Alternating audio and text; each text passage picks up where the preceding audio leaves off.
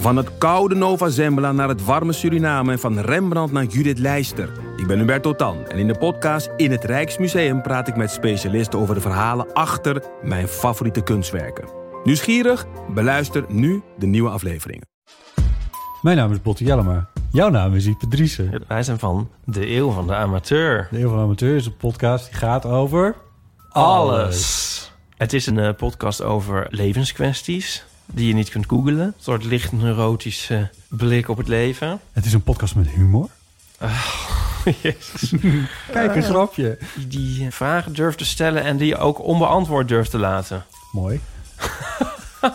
met een regenboogvlagje. Dat, dat noem je queerbot. Dat an- regenboogvlag, dat klinkt echt als een soort... Eh, ik bedoel, iedereen is welkom. Kom ons luisteren in je favoriete podcast-app.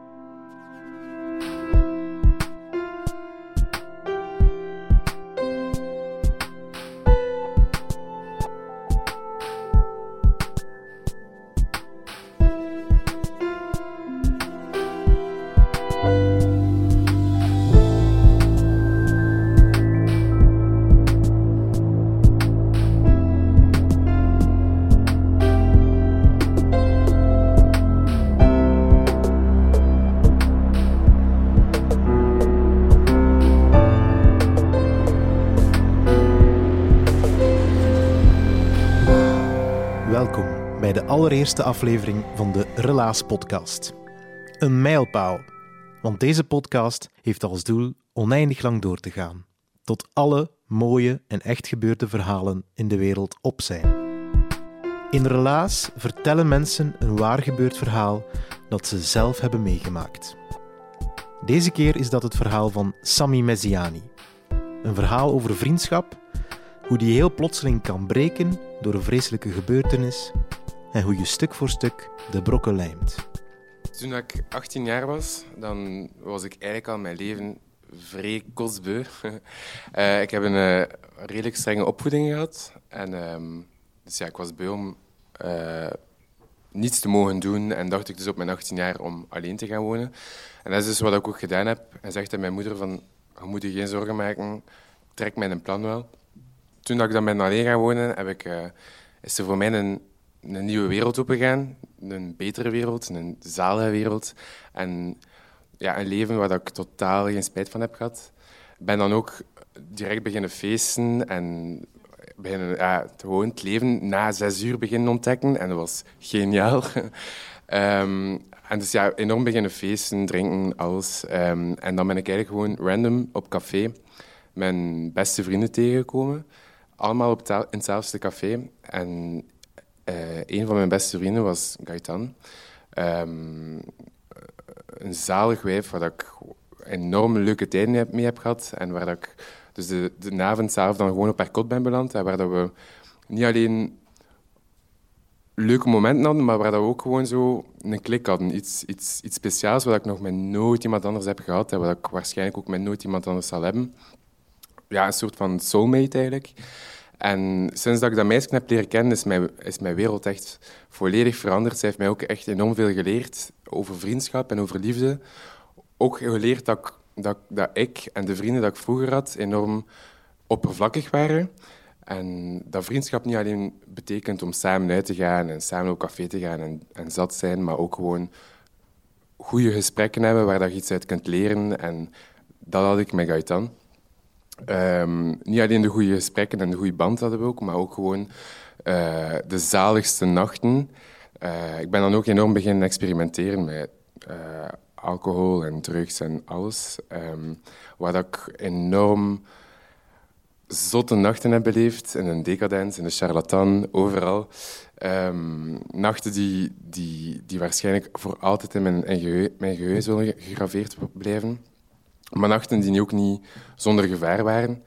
Ehm, en ik, onze vriendschap, niet alleen met Gaetan, maar met al die rond ons, kunnen we zo, kan ik een beetje vergelijken met zo... ehm, ken het gevoel als je zo naar tv kijkt en je ziet zo een vriendengroep en je denkt zo van, ah, ik wil ook zo'n vriendengroep. En wel, dat had ik minder en wel een echt een fantastische tijd. We ook, net, niet lang nadat we elkaar hebben leren kennen, zijn we ook direct gewoon gaan samenwonen. En hadden we een, um, een zalig appartement um, aan het Zuid met een supergroot dakterras. En waar dan er enorm veel dakfeestjes waren. En waar we gewoon zaten te chillen en een jointje te roken. En echt gewoon fantastisch leven. Um, en dan, uh, ja, dus gelijk dat ik daarnet zei, ook een leven dat ook redelijk gevaarlijk was. Ook gewoon omdat wij totaal helemaal onbezonnen waren. En we hadden een auto en ja, drinken en rijden, dat, dat, deden wij, dat deden wij constant. Maar we, wisten ook totaal niet wat de gevaren waren. En op een gewone maandagavond gingen we natuurlijk weer uit. Um, en zijn we naar de Decadens geweest en dan naar de Pertotaal. En superleuke avond. En dan is er in de Pertotaal in de Overpoort um, een ruzie ontstaan. Uh, een, een, banale ruzie. Um, waardoor dat Gaetan eigenlijk uh, naar haar moeder wil gaan. haar moeder woonde in, uh, in Waregem. Um, maar wij woonden aan het Zuid, dus normaal was het totaal niet de bedoeling om de auto te pakken. Maar dus Gaetano naar haar moeder gaan en ik was niet alleen uit, want ja, samen uit, samen thuis. dus zij waren op de autosnelweg beland en daar is er... dus ja, uh, de benzine was op, dus moesten we gaan tanken. Dus besloot Gaetan om te gaan tanken. Dus heeft ze de afrit genomen om te gaan tanken. En daar stond er een uh, verkeerd geparkeerde uh, camion, waar dat ze dus met volle snelheid is tegengereden. Uh, met drastische gevolgen natuurlijk. Ik herinner mij niet veel, ik herinner mij niet veel meer. Ik herinner mij absoluut niets meer van het ongeluk. Um, maar ik ben drie weken uh, na het ongeluk wakker geworden, met alle gevolgen van die natuurlijk. Ik ben met een rechterarm, rechterarm eigenlijk meteen verloren in het accident. Um, mijn been was ook volledig verbrijzeld. Mijn zeven ribben waren gebroken. Er was ook een scheur in mijn linkerarm waardoor ik niet kon bewegen. Mijn kaak was gebroken, mijn neus was gebroken, mijn oogkas was gebroken. Ja, dus eigenlijk ja, volledig per totaal. Um, eigenlijk dat ik zeg, ik ben drie weken na het ongeluk uh, wakker geworden. Uh, nog altijd denken dat ik net wakker werd van de Noverpoort. Um, en ik werd wakker in een kamer dat ik niet kende. En ik keek rond mij en ik dacht van shit, waar ben ik nu weer blijven slapen? En ik keek naast mij en ik zag niemand liggen. Dus ik dacht, oef, geen one night stand. En um, dus ja, wat dacht ik? Van ja, dat was ook al meerdere malen gebeurd vroeger. Dus um, dacht ik van, ik ga gewoon mijn kleren oprapen en ik ga naar huis. Dus ja, ik probeerde recht te staan, maar echt alles deed pijn. En ik dacht van, wat is dat hier? Heeft er iemand iets in mijn drank gestoken of zo? Of wat is dat? En alles deed pijn. Mijn kaak, overal mijn been, mijn, mijn armen, alles. Um, en na tien minuten of zo dat heb ik, allee, keek ik dan eigenlijk naar mijn arm en dan kon ik mij dan wel weer een beetje oriënteren. En wist ik, um, ja, wist ik dat ik in ziekenhuis was. En kon, had ik ook een bepaalde flashbacks van op intensieve zorgen, waar ik twee weken gelegen heb. Um, en wist ik ja, dat het ongeluk was. En sindsdien is, is mijn leven eigenlijk volledig veranderd. Het is een heel andere wending genomen. Ja, een slechtere, niet zo tof.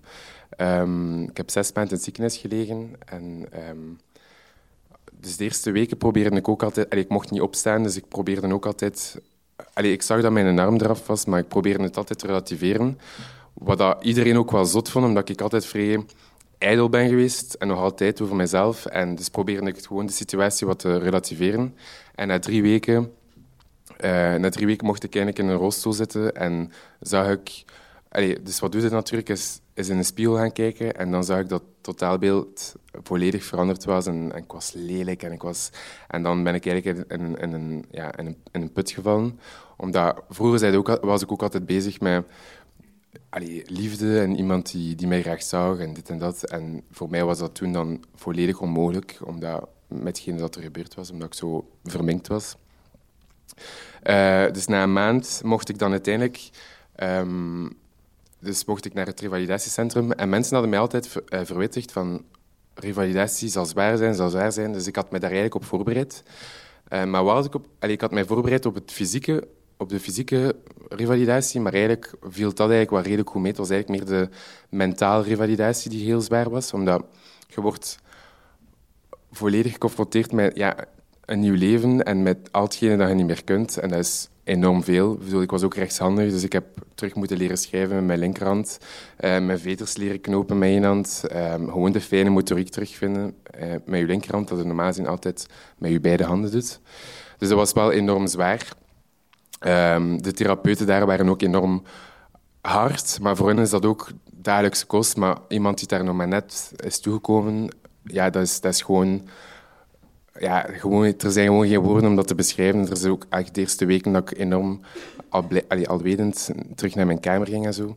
Maar dan langs de andere kant um, word ook geconfronteerd met andere gevallen die, um, die, nog, die nog erger zijn toegetakeld dan dat jij bent. En dus je komt dan in de oefenzaal bijvoorbeeld en die, die verwelkomen nu een glimlach op hun gezicht. Dus daar haalde ook enorm veel moed uit en enorm veel kracht uit.